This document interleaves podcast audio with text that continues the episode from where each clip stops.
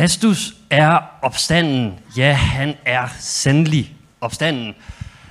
Glædelig påske og øh, god formiddag her på den her påske søndag.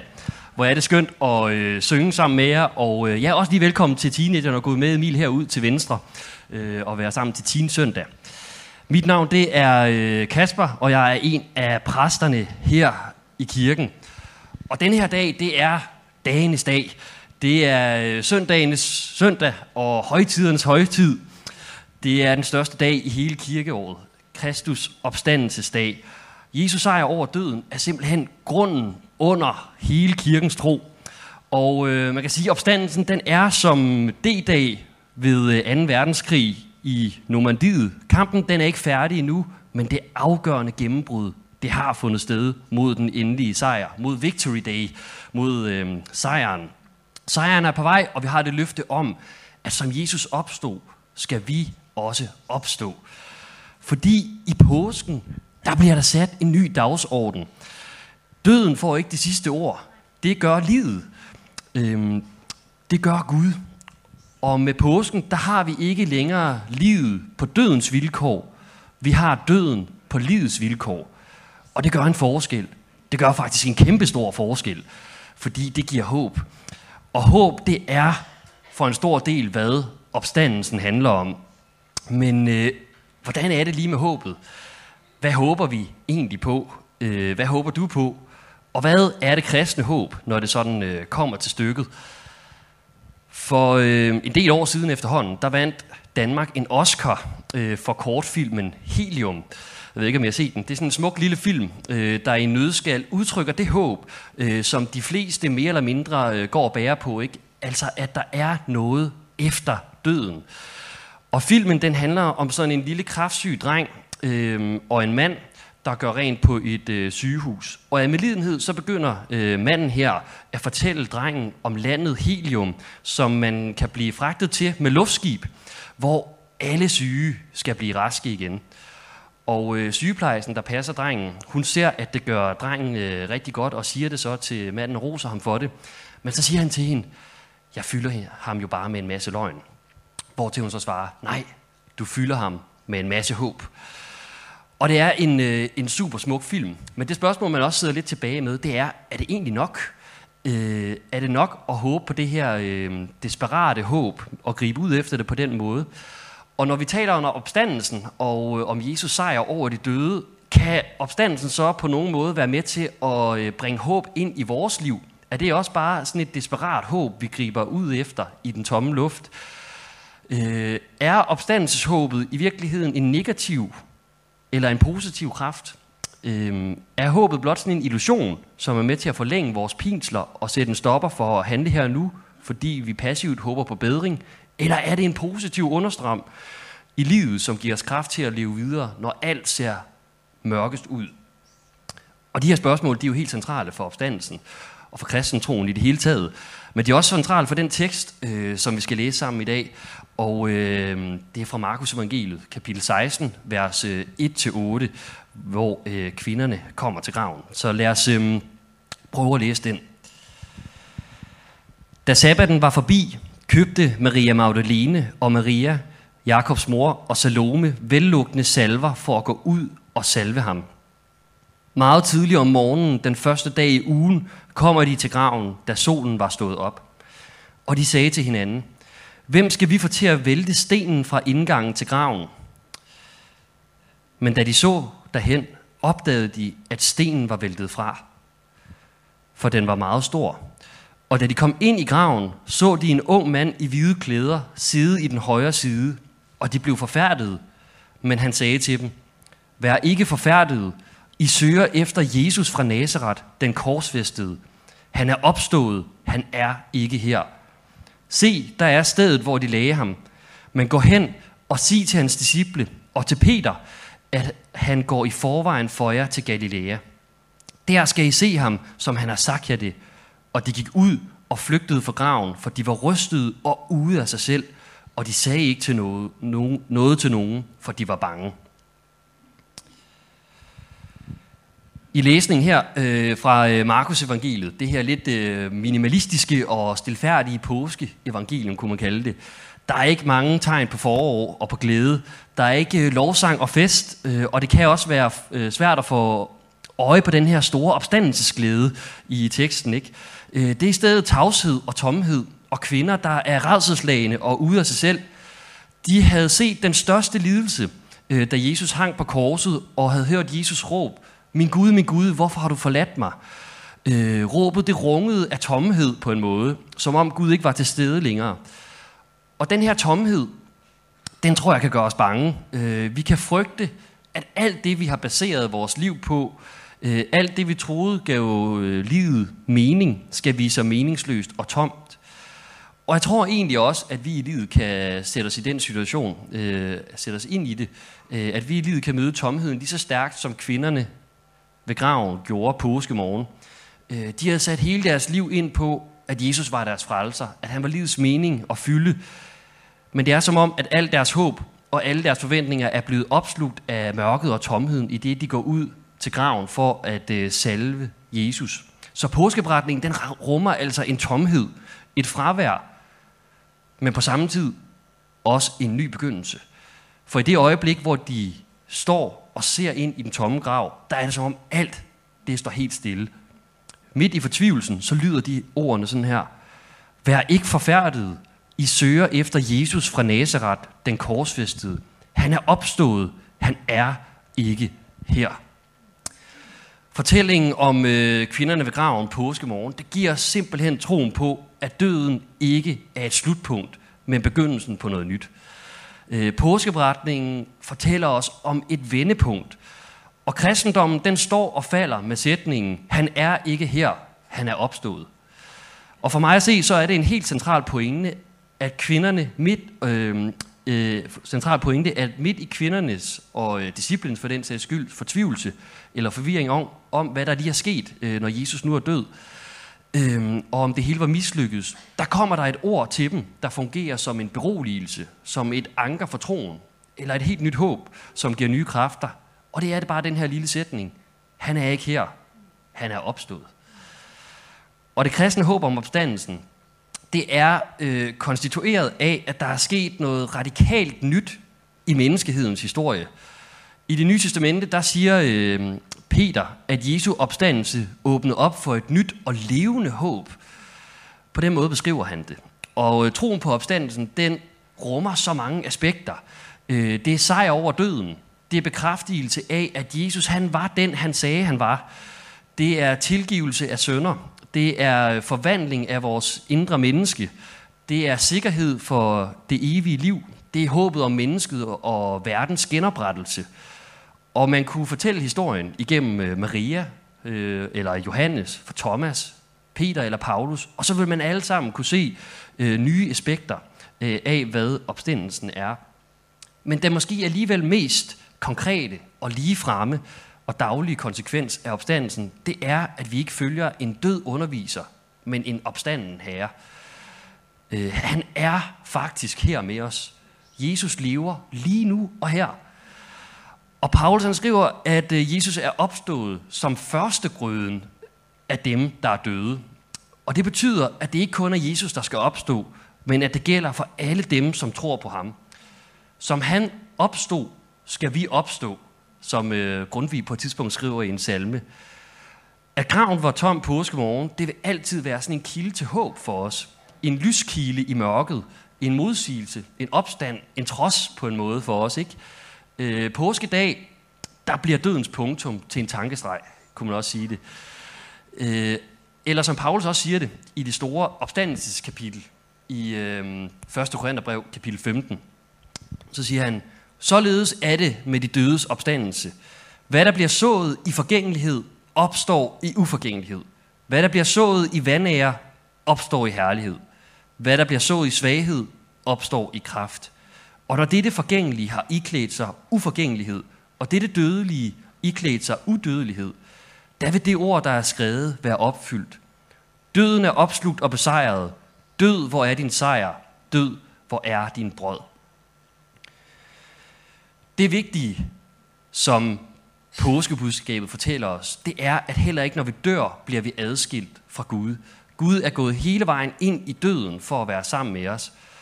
Og for os betyder det, at i det øjeblik, hvor vi øh, dør, så falder vi ikke ud i det rene ingenting, men bliver grebet af Guds hænder og inviteres ind i hans evighed.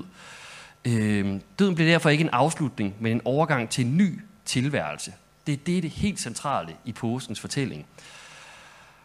Og så kunne man også godt spørge, jamen hvad vil øh, opstandelsen så sige til sådan nogen som os, moderne mennesker i Odense af nu 2023? Og så kunne man svare tilbage, jamen dybest set så vil det nye testamente ikke sige os noget som helst. Det vil fortælle os om noget, der er sket. Øh, det fortæller om en begivenhed, en realitet, der er blevet oplevet. Og hvad betyder det? Det betyder, at fra nu af er der håb, hvor alt kunne se håbløst ud. Øh, og det er der vidderligt meget, der gør. Øh, der er mildest talt meget, der ser håbløst ud i Østeuropa, eller i Mellemøsten i øjeblikket. Det ser også håbløst ud på en del af stuerne på landets kraftafdelinger. Øhm, min økonomi kan også se håbløs ud, eller mit parforhold, eller mit stress, eller dårlig selvværd, eller angst, eller hvad vi nu bøvler med. Men intet er længere håbløst. Måske findes den gode afslutning eller slutning ikke inden for det her livs horisont eller i den her civilisationshistorie, men det gør den i det evige, i opstandelsens perspektiv. Fordi vi må i opstandelsestroen hengive os til en Gud, som åbner sin evighed for mennesker, så det her livs håbløshed og meningsløshed og døden i sidste ende ikke får det sidste ord. Og for mig, så giver det mig en øh, bevidsthed om et, om et liv, hvor den øvre spærring er fjernet. Øhm, begrænsningen er erstattet med mulighed. Øhm, I stedet for loft er der åben himmel. Og det giver livet en storhed og et nyt perspektiv, og det kan også redde os fra den øhm, panik, som kunne blive resultatet af den vantro, at alt det afhang af mig i sidste ende. Det tilsyneladende sidste bliver aldrig det sidste, og troen på opstandelsen med et evigt liv med Kristus hos Gud, det giver mig en bevidsthed om, at jeg vil komme til et punkt, hvor alle mit livs tråde vil samles. Det gør de ikke nu, eller jeg kan i hvert fald ikke se det klart nu, men den uklarhed, og manglen på at kunne se til bunds i mit liv, den er til at leve med i troen på den opklarende belysning og forklaring, som er i vente. Og derfor så kan vi i livets mangfoldighed være håbfulde, også selvom vi ved, at døden venter os alle sammen for enden, fordi han er opstået, og derfor så skal vi også opstå. For Gud er alting muligt. I Markus Evangeliets beretning her, øh, som vi lige har læst, øh, der er der to nøgleord, der går igen. Det er ordene se og ordet gå. Øh, kvinderne ser, at den, gode, at den store sten er væltet fra graven. De ser den unge mand inde i graven, og de ser det sted, hvor Jesus havde ligget, som nu er tomt. Og de får at vide, at de skal se ham igen. Og kvinderne går ud til graven og ser alt dette, og så bliver de sendt afsted med beskeden om, at de skal gå hen og fortælle det til disciplene. Deres opgave er altså at se og gå. Og at Jesus er opstået for de døde, det er ikke noget, som kvinderne skal forstå med deres øh, forstand, fordi det kan man ikke med opstandelsen. Øh, tværtimod så bliver de forskrækket og bange. Det de skal, det er at se og gå ud og bringe det videre. Øh, opstanden det er ikke sådan noget, der skal forstås og bevises. Øh, det er heller ikke sådan en indre overbevisning eller en individuel religiøs øh, oplevelse for de øh, særligt heldige eller udvalgte.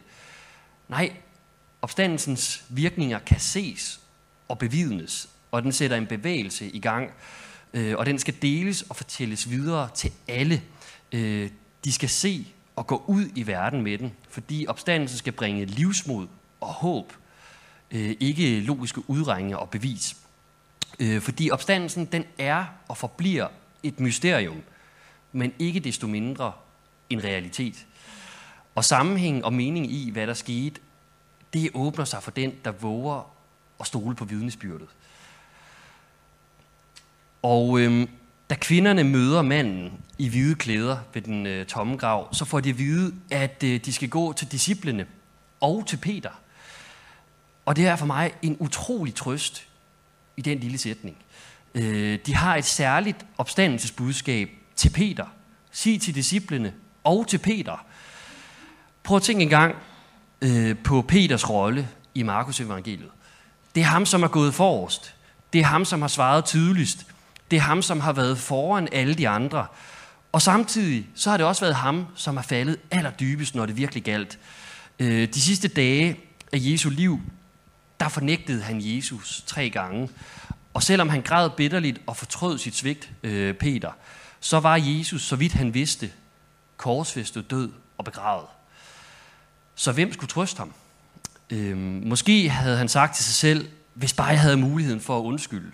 Måske tænkte han, at øh, det hele var lige meget nu, hvor Jesus han var død. Måske havde han opgivet det hele og vendt øh, ryggen til troen på Jesus og det, han havde oplevet. Måske var han vendt tilbage til fiskeriet. Og derfor så er det øh, så vigtigt, det her vers i Markus evangeliet 16.7. Sig til disciplene og til Peter. For mig så rummer det en helt utrolig trøst. Tænk, at man kan falde så dybt, svigte og bruge Jesus som trædesten for sin egen succes og vindings skyld, og så alligevel være dækket af evangeliet. Og læg mærke til, at han kalder ham ikke engang Simon. Øh, Simon var jo ellers Peters rigtige fødenavn. Øh, og, øh, og lige inden at, øh, at Peter han øh, fornægter Jesus, så kalder Jesus ham også Simon. Han siger, Simon, Simon, Satan gjorde krav på jer for at sigte jer som hvide, men jeg bad for dig, for at din tro ikke skal svigte. Og når du engang vender om, så styrk dine brødre. Men hvad er det, Jesus han siger nu? Han siger, sig til disciplene og til Peter. For Jesus øh, er han, på trods af sit svigt, stadigvæk Peter. Øh, den klippe, som han vil bygge sin kirke på. Selvom han er faldet dybt, så er han ikke diskvalificeret, for Guds inkluderende kærlighed går endnu dybere. Og Jesus han sagde til ham, da Peter fornægtede Jesus, når du engang vender om, så styrk dine brødre. Og det vi ved fra andre skrifter om Peter, øh, det blev om nogen historien om ham. Øh, Peter han kaldes tilbage til det navn, den tro øh, og den identitet, som han var blevet givet af Jesus. Peter, som betyder klippe, den sten, som han vil bygge sin kirke på. Så påskemorgens lys kan alligevel nå os til Peter. Øh, og det betyder, at påskemorgens lys også kan nå til os. Det kan nå til dem, som er faldet allerdybest, til dem, som har svigtet. Den kan nå til hele jordens ende, og det er derfor, vi skal se og gå ud. Øhm, og her der ser og smager vi også, hvorfor Jesus han ville til Jerusalem for at dø og opstå. Han vil oprette en ny pagt og betale øh, synden for os, så at der også skulle være en påskehilsen til Peter, og således også til os. Og midt i øh, hans og i vores resignation og i vores håbløshed og sorg, der lyder ordene til ham øh, fra os, fra kvindernes vidensbyrd. Vær ikke forfærdet, i søger efter Jesus fra Nazareth, den korsfæstede. Han er opstået, han er ikke her. Se, der er stedet, hvor de lagde ham. Men gå hen og sig til hans disciple og til Peter, at han er gået i forvejen for jer til Galilea. Og det her med, at øh, Jesus er gået i forvejen for disciplene til Galilea, det er heller ikke sådan helt øh, uvæsentligt. Øh, det er vigtigt for Markus, øh, at evangeliet ikke slutter i Jerusalem, men i Galilea. Og sådan er det også i de andre evangelier. Øh, og hvorfor, kunne man så spørge? Måske er det fordi, at øh, opstandelsen er sådan noget, der ikke bare skal forstås i hovedet, men skal udleves med hænderne. Øh, de kaldes tilbage til livet. De, de kaldes tilbage til deres hjem, tilbage til hverdagen. Opstandelsen og den nye virkelighed, som nu er blevet en realitet, den trækker os ikke væk fra livet, men dybere ind i det øh, på en ny måde, fordi nu kan vi leve med håb. Vi udlever det evige nu i foregribelse, kan man sige, af hvad der kommer, indtil det kommer fuldt ud. Det er sådan et allerede endnu ikke. Øh, vi lever mellem D-dag og V-dag. Kampen er ikke færdig endnu, men det afgørende gennembrud er sket frem mod den endelige sejr. Og det gør faktisk en forskel for, hvordan øh, vi lever og håber. Øh, man siger ofte det her med, at øh, man bliver, hvad man spiser. Men man kan også sige, at man bliver, hvad man øh, venter eller håber på. Øh, og håber vi på noget så smukt som Gud, der er kærlighed, så vil det også forme vores liv nu og her. Hvis man omvendt går og venter på, at verden går under i miljøkrise eller smerte og død, og at en overlæge siger, at øh, nu er der ikke nogen chance for at overleve, så vil det også præge ens nu rigtig meget. Og på den måde så giver opstandelsen utrolig meget håb direkte ind i hverdagslivet. Og vender vi tilbage til den her film, øh, Helium, som jeg fortalte om i, i indledningen, hvor den her rengørende assistent indgyder håb i en lille syg dreng ved at fortælle ham om øh, drømmelandet Helium, og hvor han så efterfølgende beklager sig til sygeplejersken og siger, jeg fylder ham jo bare med løgn. Er det det samme med opstandelsen? Øh, jeg vil sige, at det er noget helt andet. Øh, fordi påskemorgen, der udbasuneres noget helt andet end et vagt håb, en nødløgn eller en falsk forhåbning. Jesus han siger selv, jeg er opstandelsen og livet. Den, der tror på mig, skal leve, om end han dør. Det er konkret, det er historisk, og det er noget helt andet end sådan et uh, desperat håb. Jesus han kom på et bestemt sted og et bestemt tidspunkt i menneskets historie, for at han kunne gavne verden til alle tider. Og man kan dermed sige, at der er sket noget i datiden, der har påbegyndt noget nyt, som vil nå dets øh, opfyldelse i fremtiden. Øh, håbet er noget endnu uopfyldt, noget fremtidigt, der dog henter sin betingelse i datiden. Og Jesus opstandelse, det er midlet og billedet på, hvad der skal ske med os, men også på hele skabelsen. Øh, opstandelsen, den handler om den totale sejr over døden, med altings genoprettelse som resultat. Det er det kristne håb. Som han opstod, skal vi opstå, og hele verden genoprettes. Evangelieteksten her, den afslutter med, at øh, kvinderne var bange. Og måske er det ikke så underligt, når man lige øh, tænker en ekstra gang over det. Øh, det er ikke så uforståeligt med tanke på den overraskelse, de blev mødt ved øh, ved graven. Øh, de havde jo ikke forventet det, øh, og det er ikke altid så let øh, at holde fast i øh, påske og opstandelsesglæde, heller ikke for os. Øh, frygten, den kan snige sig ind igen, men vi må også gribe evangeliet der, hvor det slutter i dag, øh, og hvor vi øh, vender meningsløsheden og tomheden ryggen og bringer glæden ud i livet. For øh, man kunne også stille spørgsmålet, må dog kvinderne kunne holde glæden for sig selv, da de flygtede fra raven og vendte tomheden ryggen og løb ud til dagen og livet? Jeg tror det ikke. Om ikke andet, så er det i hvert fald nået frem her til Odense i dag. Øh, så et eller andet har de sagt videre. Og øh, det kan være et godt billede for os, hvordan vi skal behandle det her opstandelsesbudskab. Vi må ikke holde glæden og opstandelsesbudskabet for os selv. Vi må bringe det videre. Det er umuligt at forskanse og holde indspærret. Den vil ud, den vil deles med andre, det vil vokse. Så øh, skal vi ikke bare afslutte gudstjenesten med at juble og takke Gud i bøn og naderfaring og sang og fællesskab, for Kristus er opstanden. Ja, han er sandelig opstanden. Glædelig påske. Mm-hmm.